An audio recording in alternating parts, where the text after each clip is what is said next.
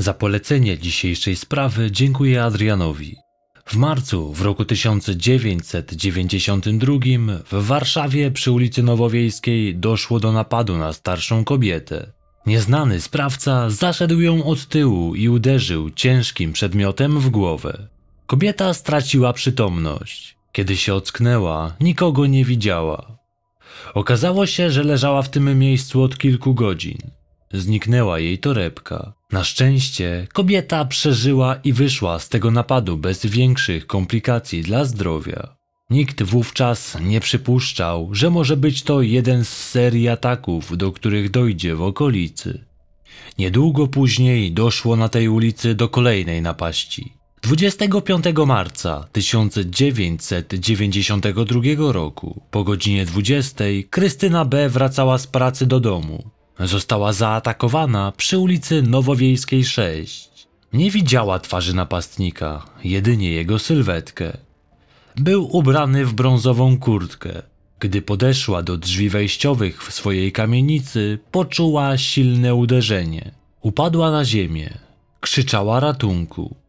Jej oprawca groził jej, że jeżeli nie zamilknie, oberwie jeszcze mocniej. Mimo wszystko kobieta krzyczała nadal. Mężczyzna spełnił swoją groźbę i uderzył jeszcze kilka razy, miażdżąc jej czaszkę. Zerwał jej torebkę z ramienia i uciekł. Krystyna B. leżała na ziemi, zalana krwią. Kilka osób przeszło obojętnie, widząc z daleka leżącą kobietę. Najpewniej uznali, że była pijana. Po kilku minutach zainterweniowały dwie kobiety wychodzące z klatki. Zawiadomiły pogotowie. Krystyna została zabrana do szpitala. Lekarzom udało się ją uratować. Przytomność odzyskała dopiero dwa dni po operacji. Zdaniem lekarzy miała ogromne szczęście, że udało się jej przeżyć tę napaść. Krystyna została przesłuchana. Jej zeznania nie pomogły w ustaleniu, kim był sprawca. Sprawę umorzono w lipcu tamtego roku z powodu niewykrycia sprawcy. W lipcu właśnie na jednej z warszawskich ulic doszło do kolejnej, podobnej napaści. Zaatakowana została kobieta idąca ulicą Puławską. Scenariusz był podobny. Napastnik użył dużej siły i ofiara wylądowała w szpitalu. Na szczęście lekarzom udało się odratować jej życie. W ciągu pół roku doszło do 13 napadów, w których sprawca działał w podobny sposób. Ogłuszał kobiety ciężkim narzędziem, a następnie kradł ich torebki i uciekał. Czy były to działania jednego człowieka? Organy ścigania nie łączyły wówczas tych spraw. We wrześniu roku 1992 w bramie jednej z kamienic przy ulicy Nowowiejskiej zaatakowana została Marianna P.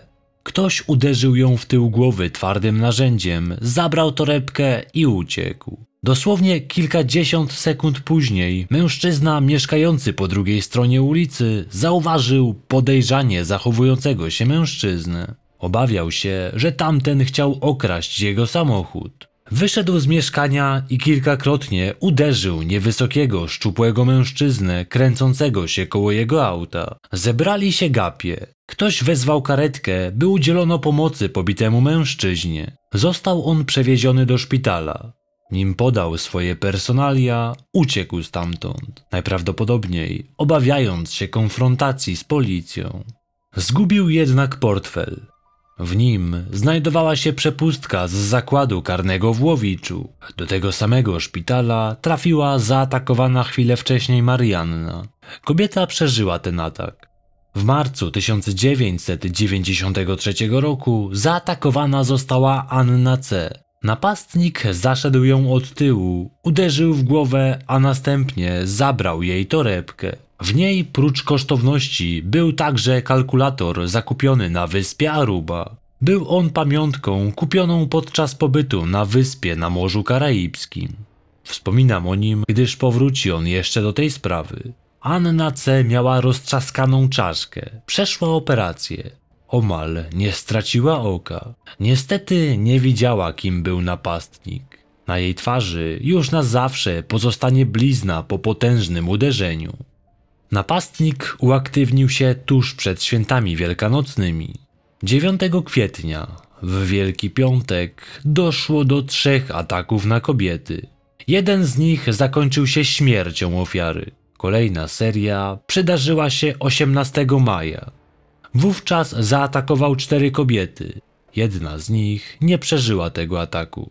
Jak się później okaże, nie była to największa aktywność mężczyzny napadającego na kobiety.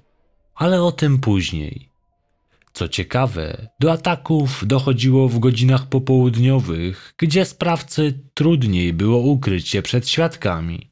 Mimo to nikt nie wiedział, kim był. Działał z rozmysłem i bardzo szybko. Atakował kobiety w momencie, gdy nikogo nie było dookoła. Zawsze wybierał bramy wejściowe do kamienic lub podwórka. Napastnik zdawał się działać zgodnie ze schematem, który gwarantował mu pozostanie nieuchwytnym. Pytanie jak długo? Jedną z ofiar 18 maja 1993 roku była niespełna 50-letnia Iwona H. Cios, który jej zadał, był tak silny, że oderwał jej prawe ucho. Została znaleziona w bramie przez przypadkowego przechodnia. Przewieziono ją do szpitala. Lekarze uratowali ją oraz ucho. Na zawsze jednak pozostanie ślad po tym ataku. Nie tylko fizyczny, ale też psychiczny.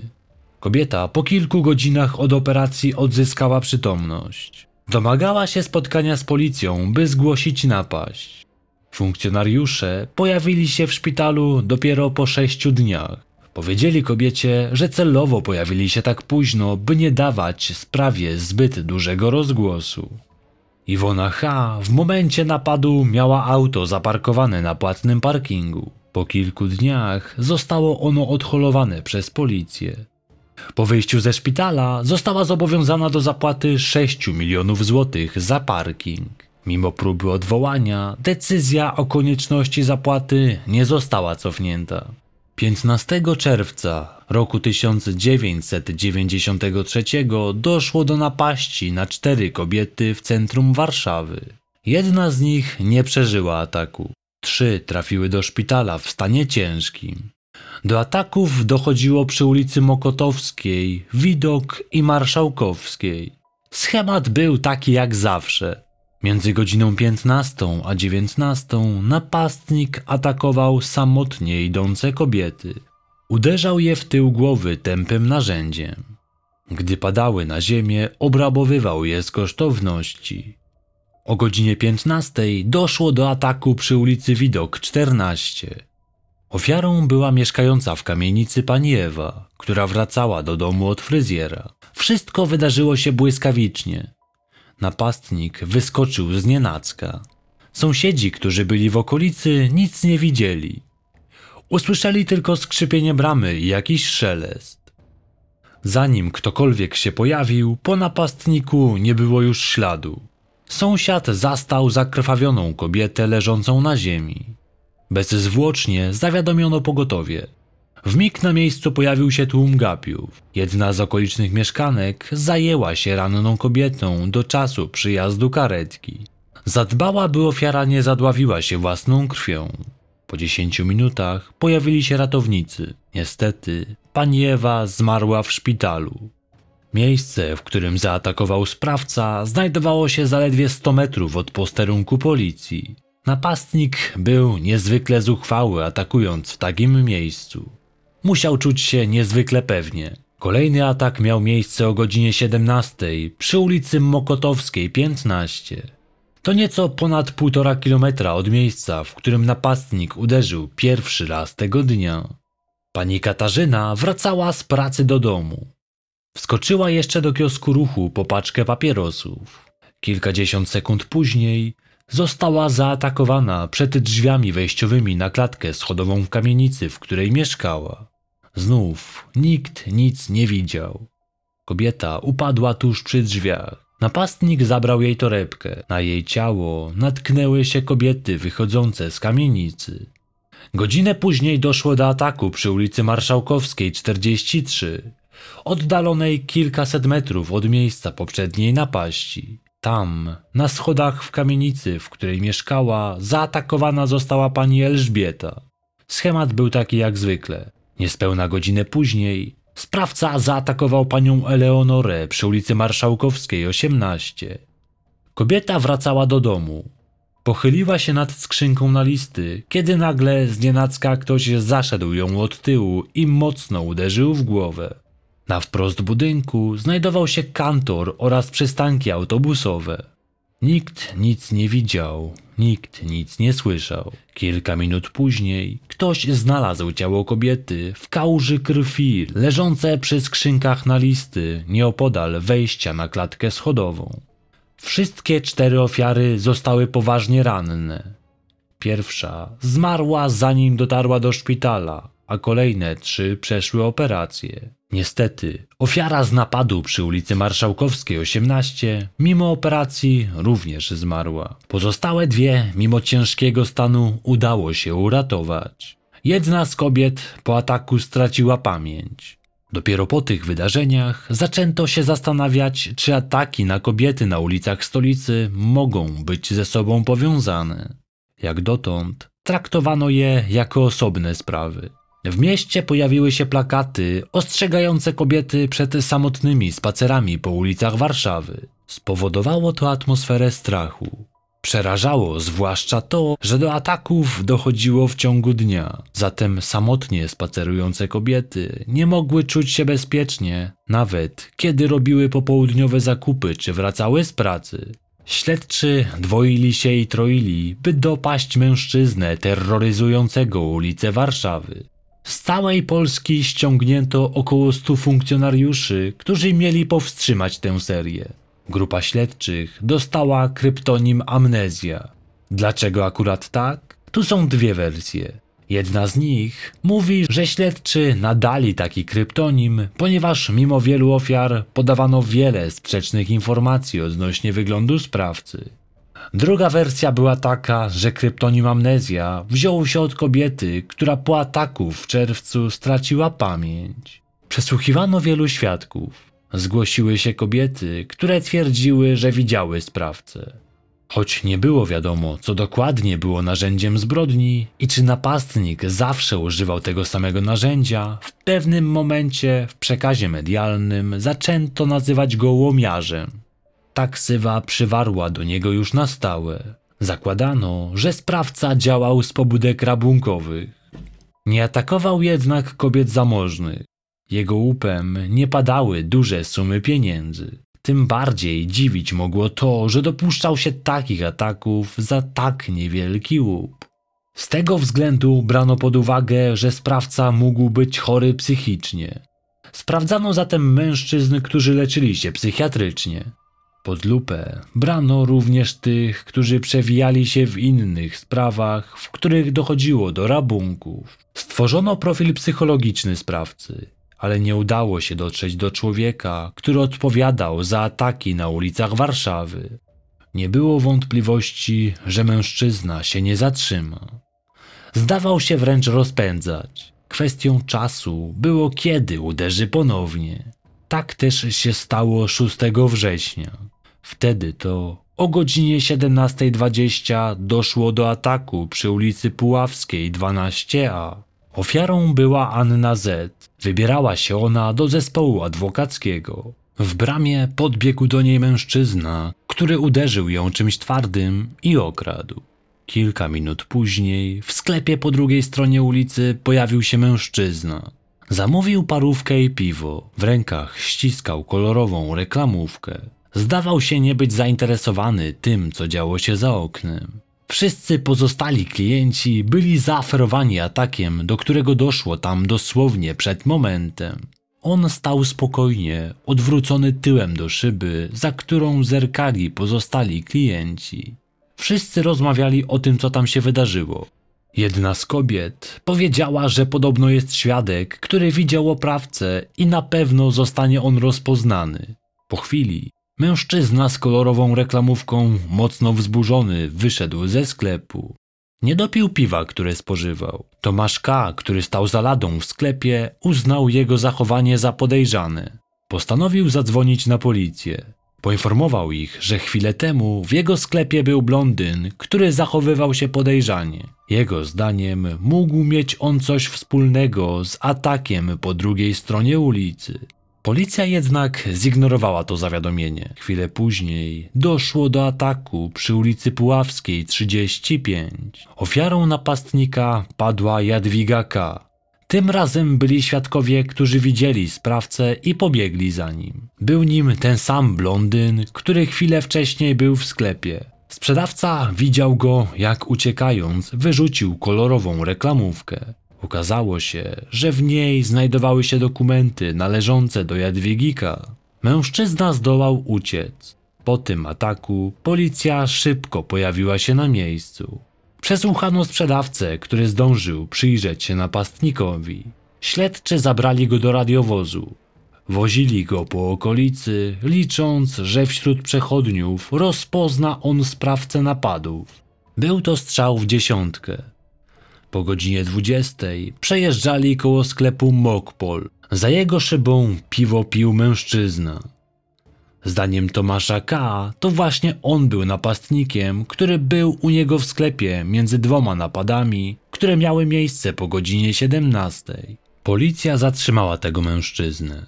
Był nim 31-letni Henryk R. To niewysoki, chudy mężczyzna. Przyszedł na świat w roku 1962.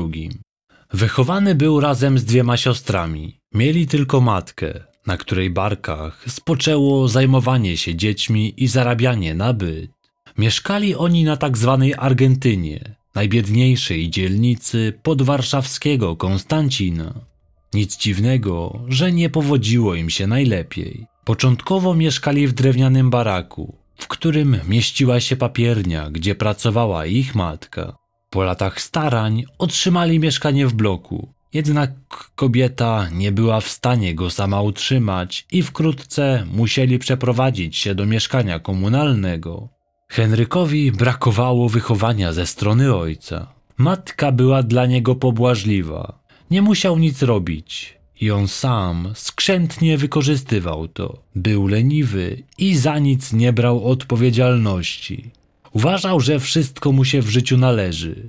Sądził, że w szkole również wszystko przyjdzie samo. Nie uczył się i często nie pojawiał się na zajęciach. Z opóźnieniem przyjął komunię świętą, gdyż nie potrafił się do niej przygotować. Nie nauczył się żadnej modlitwy. Nauczyciele uważali, że był on opóźniony umysłowo. Nie potrafił przebrnąć przez czwartą klasę podstawową, którą musiał powtarzać trzykrotnie. Wśród kolegów z powodu pewnej deformacji twarzy miał ksywę krzywousty.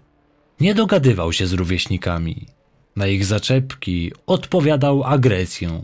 Szybko też zaczął wchodzić w konflikt z prawem. Już jako trzynastolatek odpowiadał przed sądem dla nieletnich za kradzież w sklepie. Nie uczył się na błędach, był agresywny. Najczęściej siłę okazywał względem słabszych. Miał opinię damskiego boksera. W wieku 15 lat przydzielono mu kuratora. W końcu trafił do zakładu wychowawczego, gdzie pozostał aż do ukończenia pełnoletności. Trafił do ośrodka, gdzie przebywali najbardziej zdegenerowani chłopacy. Tam również nie odnalazł nikogo, z kim złapałby wspólny język. Po wyjściu nie potrafił nawiązać trwałych relacji z kobietami. Odwrócił się też od matki. Obwiniał ją za los, który go spotkał.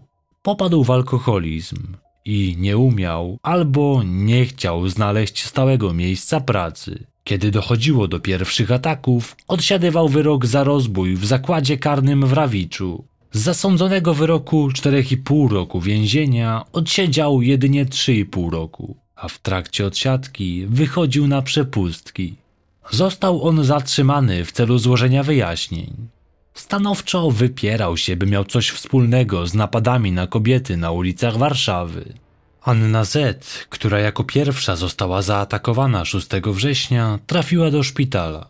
Po operacji odzyskała przytomność. Nie potrafiła powiedzieć, kto był jej oprawcą. Niestety nie wydobrzała. Sześć dni później zmarła w szpitalu. Okazało się, że do ataków dochodziło w czasie, kiedy Henryk był na przepustkach w trakcie odsiadywania wyroku. Mało prawdopodobne by był to przypadek.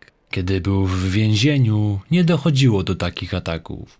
Podczas ostatnich mężczyzna był już na warunkowym zwolnieniu. Ustalono, że najprawdopodobniej wychodząc na przepustki do Warszawy przyjeżdżał pociągiem na dworzec Warszawa Śródmieście. Ofiarę atakował przemieszczając się na dworzec południowy, z którego wyruszał do Konstancina, gdzie mieszkał. W momencie zatrzymania Henryk był w związku. Przeszukano mieszkanie jego, jak i jego partnerki. U niej znaleziono kalkulator z wyspy Aruba. Taki sam jak ten, który napastnik skradł Annie C. podczas napadu w marcu. Okazano go ofierze. Ta powiedziała, że na 99% był to jej kalkulator.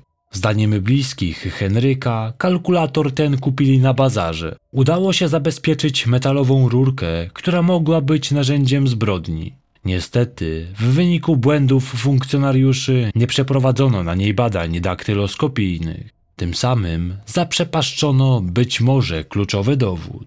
Niestety kobiety, które przeżyły ataki, nie potrafiły rozpoznać w Henryku R. swojego oprawcy. Były atakowane od tyłu. Nigdy nie widziały jego twarzy. Z tego względu niezwykle ciężko było udowodnić jego udział w atakach. Nie zostawiał śladów. Atakował szybko. W jednym z wywiadów prokurator powiedział, że w ciągu dwóch lat na terenie Warszawy doszło do kilkuset napadów na kobiety. Przyznam, że czytając tę wypowiedź prokuratora, przecierałem oczy ze zdumienia każdym razie z nich wytypowano te, które przypisać można było jednemu sprawcy. Łącznie doszło do 29 napadów, które przypisywano łomiarzowi. Pięć z nich zakończyło się śmiercią ofiar. Te 29 przypadków było analizowane przez ekspertów medycyny sądowej ze Śląskiej Akademii Medycznej. Według ich opinii wykazywały one duże podobieństwa. Istniało duże prawdopodobieństwo, że dokonał ich ten sam sprawca. Należało jednak udowodnić, że stał za nimi Henryk R., napastnik. Atakował kobiety w średnim wieku lub starsze. Zawsze uderzał w głowę ciężkim narzędziem. Zabierał im torebki, nie starał się przeszukać ich kieszeni. Do ataków dochodziło w bramach lub podwórkach. W niektórych przypadkach pojawiali się świadkowie, którzy widzieli sprawcę uciekającego z miejsca ataku. Zawsze był widziany z daleka i działo się to bardzo szybko. Jego rysopis się jednak powtarzał. Przebadany przez psychiatrów Henryk przejawiał cechy, które wcześniej nakreślano w portrecie psychologicznym sprawcy. Mężczyzna nie przyznawał się do udziału w atakach, o które był oskarżany. Nadal trwała akcja policji pod kryptonimem Amnezja. Działania śledczych trwały, gdyż nie było pewności, czy zatrzymany mężczyzna był łomiarzem terroryzującym ulice stołecznego miasta. W listopadzie wycofano 100 funkcjonariuszy, którzy wcześniej ściągnięci zostali do Warszawy w celu patrolowania ulic, by złapać łomiarza. Stołeczni policjanci nadal pracowali nad sprawą napadów na kobiety. Od września 1993 roku odnotowano 18 takich przypadków. Śledczy twierdzili, że stali za nimi różni sprawcy, próbujący podszywać się pod łomiarza. Ataki były podobne ale nie pasowały do modus operandi sprawcy nazywanego łomiarzem. Rozpoczął się proces. Henryk R. został oskarżony o 29 napaści, z czego 5 zakończyło się śmiercią. Obrońca twierdził, że dochodziło do innych napadów w Warszawie, które miały podobny przebieg, a nie przypisywano ich Henrykowi R. Miały one miejsca w czasie, kiedy mężczyzna miał alibi i nie mógł się ich dopuścić. Postawiono mu zarzuty za napady, które miały miejsce, gdy był na wolności. Świadczyć to miało o tym, że w stolicy działali inni przestępcy, których modus operandi był podobny. Równie dobrze, to ktoś inny mógł odpowiadać za napady przypisywane Henrykowi.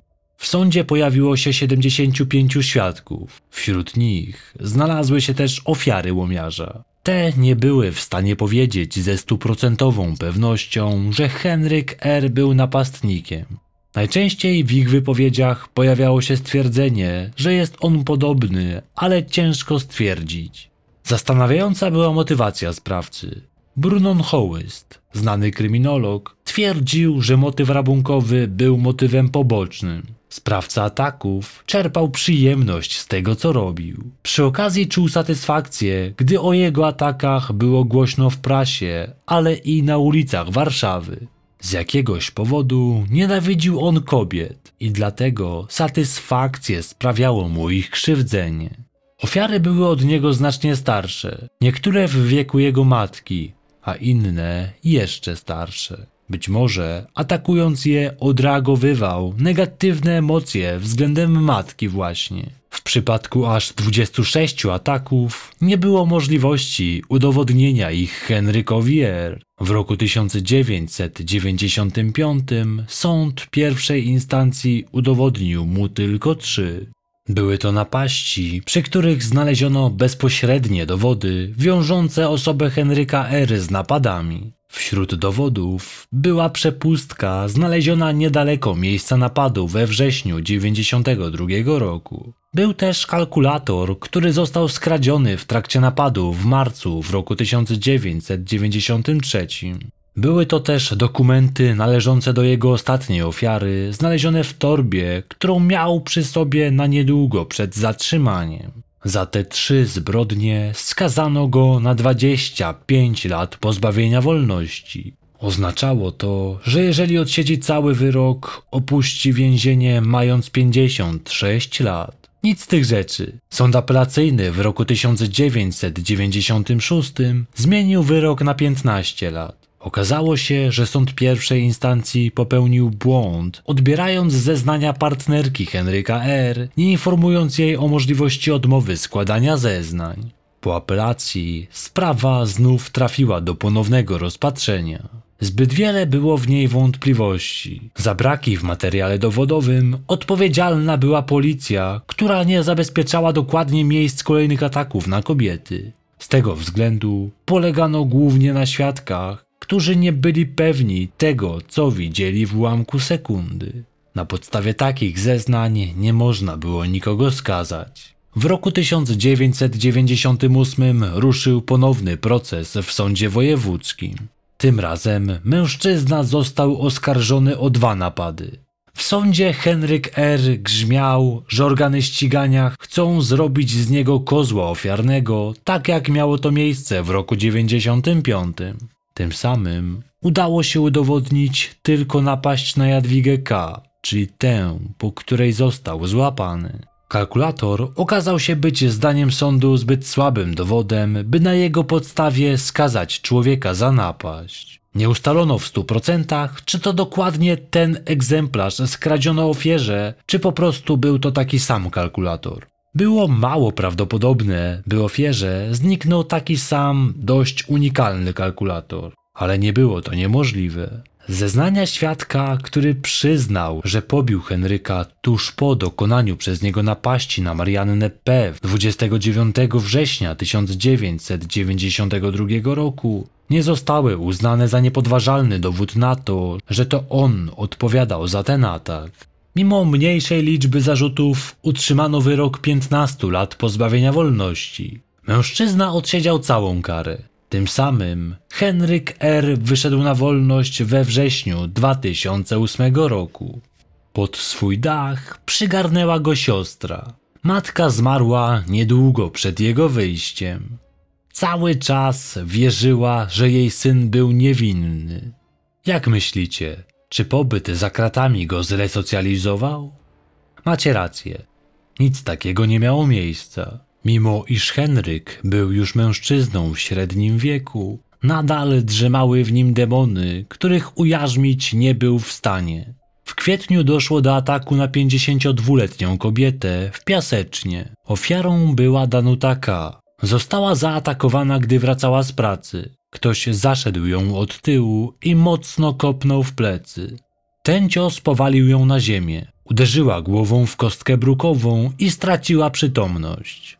Gdy się ocknęła, zdała sobie sprawę, że padła ofiarą napadu, a sprawca zabrał jej torebkę. W niej znajdowała się gotówka, karta bankomatowa i dokumenty tożsamości. Kobieta została zabrana do szpitala. Na szczęście jej obrażenia nie były poważne. Po opatrzeniu ran została zwolniona do domu. W XXI wieku na wielu ulicach był już monitoring, w przeciwieństwie do tego, jak wyglądało to pod koniec wieku XX. Dzięki niemu udało się odtworzyć nagranie, na którym zarejestrowano człowieka kopiącego Danuteka, a następnie oddalającego się z miejsca ataku. W ustaleniu jego wyglądu oraz kierunku, w którym się oddalił, pomogli również świadkowie.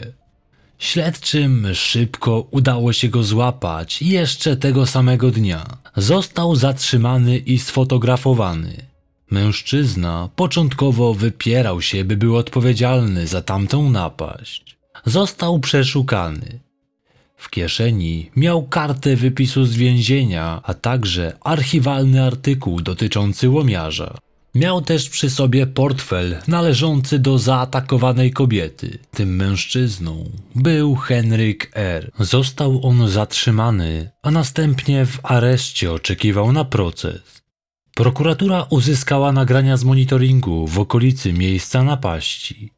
Tym samym zabezpieczono nagranie ze sklepu, w którym mężczyzna, łudząco podobny do Henryka, ukradł butelkę wódki.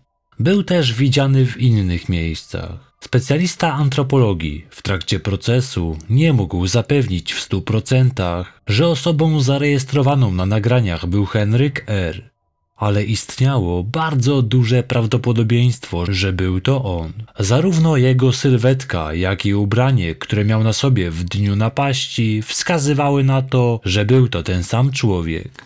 Był ubrany w te same rzeczy, które miał na sobie w momencie zatrzymania przez policję. Zabezpieczono nieopodal butelkę wódki skradzioną w pobliskim sklepie. Na niej nie znaleziono jednak odcisków palców należących do oskarżonego. Leżały koło niej natomiast dokumenty skradzione ofierze. Jako recydywista Henryk R. otrzymał surowy wyrok za to przestępstwo. Został skazany na 7 lat pozbawienia wolności. Obrona odwołała się od tego wyroku. Sąd apelacyjny przyznał jej rację, że nie było dostatecznych dowodów, by skazać Henryka R. za tamtą napaść. Nie było bezpośrednich świadków całego zajścia. Sprawa została przekazana do ponownego rozpatrzenia. W tym czasie Henryk już dwa lata siedział w areszcie.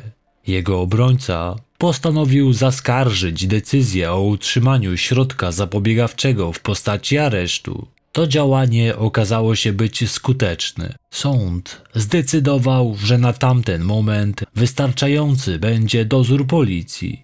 Zatem Henryk wyszedł na wolność do czasu zakończenia procesu. Jedynym jego obowiązkiem było dwa razy w tygodniu stawiać się na posterunku policji.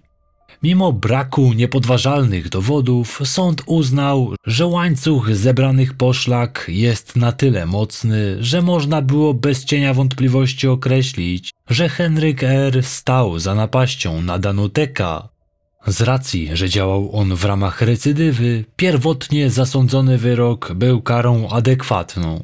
Tym samym Henryk R. spędził w więzieniu 7 lat. Miał też oddać pokrzywdzonej 930 zł tytułem naprawienia szkody. Odsiedział całą swoją karę za kratami. Wyszedł stamtąd w roku 2016. I tym razem nie wytrzymał długo. Wyszedł z więzienia 2 kwietnia, a 30 doszło do ataku na kobietę. Zgadnijcie, kto był napastnikiem. Miało to miejsce w Łowiczu. Ofiarą była 71-letnia Alina S. Została kopnięta w głowę, gdy wieczorem szła ulicą ciemną. Gdy upadła na ziemię, napastnik uderzył ją pięścią w twarz. Nie ogłuszył jej na tyle, by straciła przytomność. Próbował wyrwać jej torebkę. Kobieta zaczęła krzyczeć, czym wystraszyła napastnika. Ten uciekł w kierunku głównego dworca kolejowego. Niedługo później tam zatrzymała go policja. Sprawcą napadu był już dobrze wam znany Henryk R. Kamery monitoringu zarejestrowały sam moment ataku. W trakcie przesłuchania mężczyzna zasłaniał się niepamięcią. Twierdził, że nikogo nie zaatakował. Trudno jednak było polemizować z takim dowodem jak nagranie monitoringu. Sąd rejonowy skazał go na karę 10 lat więzienia. Czy po odsiedzeniu tej kary nadal będzie sprawiał zagrożenie? Będzie już mężczyzną w podeszłym wieku, ale czy nie niebezpiecznym? Sprawa łomiarza wydaje się być wręcz nieprawdopodobna. Jakim cudem przeprowadził tyle ataków w ciągu dnia? Był bardzo powtarzalny w tym, co robił. Zawsze udawało mu się unikać świadków, którzy byliby go w stanie rozpoznać. Był jak cień. Nieprawdopodobne jest też to, że śledczy, mimo tak wielu spraw układających się w całość, nie łączyli ich ze sobą. Nie zbierano należycie dowodów, czym uniemożliwiono skazanie człowieka za zbrodnie, których się dopuścił. Czy możliwe, że w tamtym okresie grasowało kilku takich sprawców? Liczby dotyczące napadów na kobiety są przytłaczające. W roku 1994 zatrzymano Marka D., który w przekazie medialnym również nazywany był łomiarzem. Mężczyzna miał napadać na kobiety i wyrywać im torebki. Ten został przebadany przez psychiatrów, którzy uznali, że był niepoczytalny. Został zamknięty w szpitalu psychiatrycznym. Również w roku 1994 policja rozbiła szajkę, która napadała na kobiety wychodzące z banków. Obserwowali je, a gdy były w ustronnym miejscu, były napadane. Sprawcy zabierali ich torebki. Ich łupem najczęściej padały bony. Podejrzewano, że grupka mogła być odpowiedzialna za nawet 52 napady na kobiety. Przy tak dużym natężeniu przestępstw nic dziwnego, że trochę potrwało, nim śledczy zaczęli łączyć napady na kobiety w serię. Zagłębiając się w tę sprawę, dotarłem do artykułu, w którym wskazywano, że w sierpniu 1993 roku tylko w samej Warszawie doszło do ponad 150 napadów. Wśród nich zaatakowanych zostało 21 kobiet.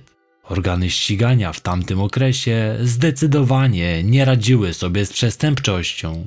W dzisiejszych czasach wręcz niemożliwe, by ktoś taki grasował tak długo. Wszechobecny monitoring z pewnością doprowadziłby śledczych do napastnika wcześniej, chyba że tak jak wtedy dopuszczono by się skrajnych niedopatrzeń. Tak naprawdę łomiarz nigdy nie posługiwał się łomem. Nie wiadomo skąd pojawiło się takie nazewnictwo napastnika. Najprawdopodobniej wykreowały je media na podstawie zeznań. W roku 2026 Henryk R. znów wyjdzie na wolność. Będzie miał wówczas 64 lata.